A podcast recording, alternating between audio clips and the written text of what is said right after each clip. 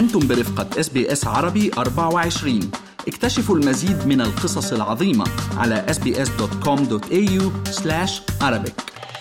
تقول الحكومة الفيدرالية إنها تعمل على معالجة مشكلة غبار السيليكا وسط دعوات لحظر المنتجات الحجرية الهندسية على الصعيد الوطني.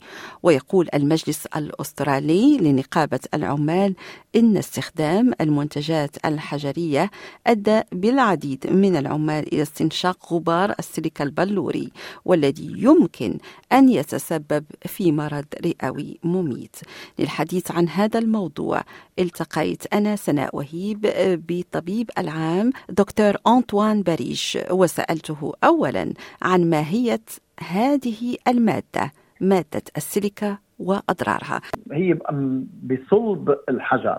مم. بس العمال اللي بيشتغلوا بالحجر مجبورين يقصوا الحجر مجبورين فحيطلع منه غبار. هالغبار هيدا آه بسموه مثل heavy metal يعني عبارة عن مواد معادن ثقيلة من من المتكونات الحجرية بس صارت بطريقة غبار فيها دغري بكل سهولة تفوت على الرئة.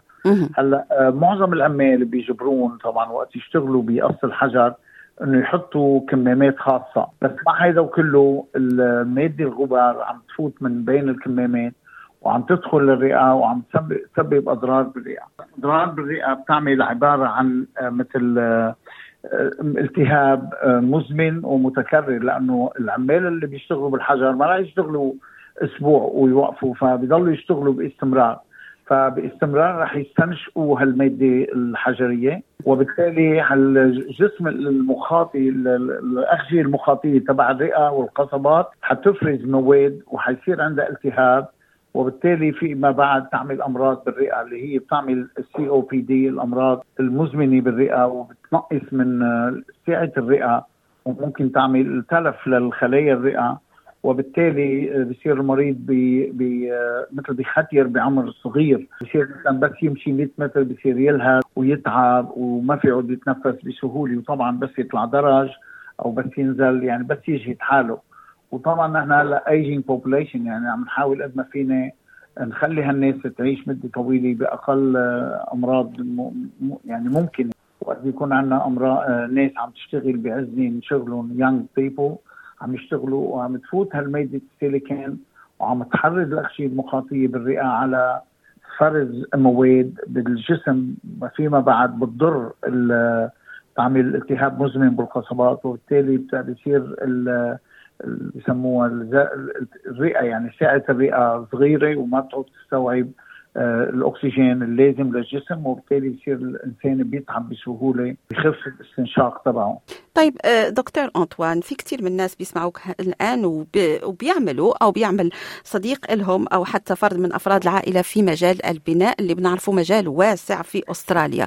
طيب يقول لك هذا مصدر رزقي يا دكتور بليش أنا كيف ممكن آخذ الإجراءات الوقائية لكي لا أصاب يوما ما بهذا المرض؟ اولا بنقول له استعمال كمامات mandatory يعني كثير ضروري يستعمل كمامات لأنه عم يخفف 99% من المادة السيليكون انه تفوت ففي كثير من العمال مع الأسف بيعطون هن كمامات بس بس يجي يفوتوا على الشغل بيقول لك شو بدي بالكمامة؟ بتضايقني وما فيني أتنفس وإلى آخره.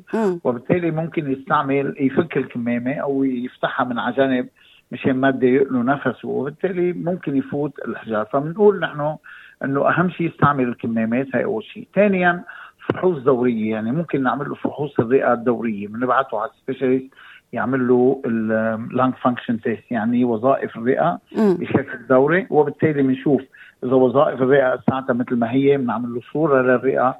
وإذا احتاج الأمر ممكن نعمل له CT scan لنتأكد إنه ما في شيء بالرئة. اذا الوقائي خير من العلاج. أول شيء إذا لقينا في تحريض بالخلايا والوظائف الرئه عم تت... عم تت... يعني عم تنزل الوظائف عم تتدنى إلى لحد أدنى.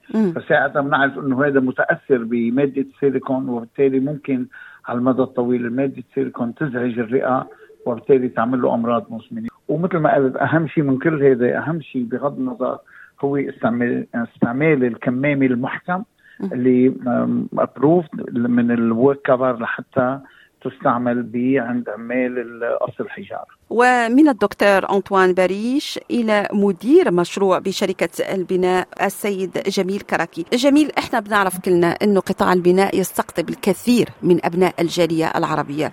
والحديث هذه الأيام آه، عن غبار السيليكا التي قد تسبب بأمراض مميتة. آه، طبعا آه، بما أنك حضرتك مسؤول عن مشروع البناء ما هي الإجراءات الوقائية اللي بتتخذوها؟ عادة الإجراءات الوقائية التي تتبع بأي موقع بناء هي يعني تتمحور حول الحفاظ على سلامة العاملين بالموقع تبدأ آه، بشكل بسيط جدا. اتباع إجراءات الأمن والسلامة والتحذيرات التي تكتب على مواد البناء. يجب على عامل البناء ارتداء اثناء تواجده في الموقع. يجب عليه أن يرتدي الحذاء ذو الرأس الفولاذي. وبنفس الوقت في مادة مثل السيليكا وأي مواد غبار أخرى مثل السمنت والرمل يجب عليها أن يرتدي قناعا آه، واقيا. في كمامات مخصصة آه، لهي لطبيعه الأعمال هاي. في كمامات خاصة فيها. فيها فلتر وبيغير العامل الفلتر كل فترة وفترة. فهي هي الكمامات الأصح يلي يتوجب على العمل ارتدائها أثناء قيامه بمهامه. وهل يتم ارتدائها بالفعل يا جميل؟ آه ليس في كل المواقع وأنا كمان يعني من تجربة شخصية مع بعض عمال المواقع آه طبعا آه يعني سألتهم آه ليش ما بتتبعوا إجراءات السلامة أغلب المرات آه يعني في منهم الذريعة إنه بتعمل ضباب على بتعمل له ضباب بضيق نفسه منها ففي منهم كل 15 دقيقة بيترك المكان يلي عم بيستخدم فيه المادة المثيرة للغبار والحساسية وبيتنفس. آه، في منهم لا لديهم القدرة على ارتداء الأقنعة وبمارسوا عملهم فيها. طيب آه، جميل كونك بتتعامل يوميا مع عمال البناء هل بتلاحظ فعلا انه آه، إنه صحتهم تتأثر إنه مرات يصابوا بأمراض مثل أمراض الرئة وغيرها؟ آه شوفي يعني أنا من حسب قراءاتي ومن حسب كمان بعض المقاولين وبعض العمال البناء اللي موجودين بال الصناعة هاي منذ فترة آه، أكيد يعني بس ما ببين الأثر على المدى القصير. الاثر عادة على المدى البعيد ومؤخرا صار في أكثر وعيا بهذا الموضوع آه، نتيجة آه، تدخل شركات التأمين. نعم ماذا عن الرقابة الحكومية؟ في من حسن حظنا عندنا مثل قانون متعلق فيها اسمه The Australian Standards for Silica Dust. فلكون أكثر دقة, دقة أنه هذا القانون بيشرح لك نسبة التعرض لغبار السيليكا في الموقع حجم غبار السيليكا المسموح به للاستنشاق.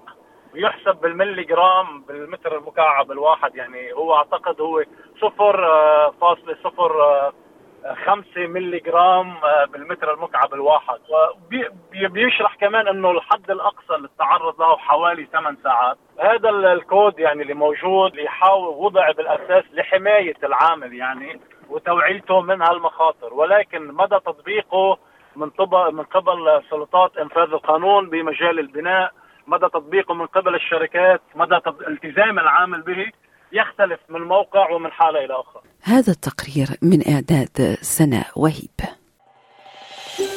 هل تريدون الاستماع إلى المزيد من هذه القصص؟ استمعوا من خلال Apple Podcasts، Google Podcasts، Spotify أو من أينما تحصلون على البودكاست.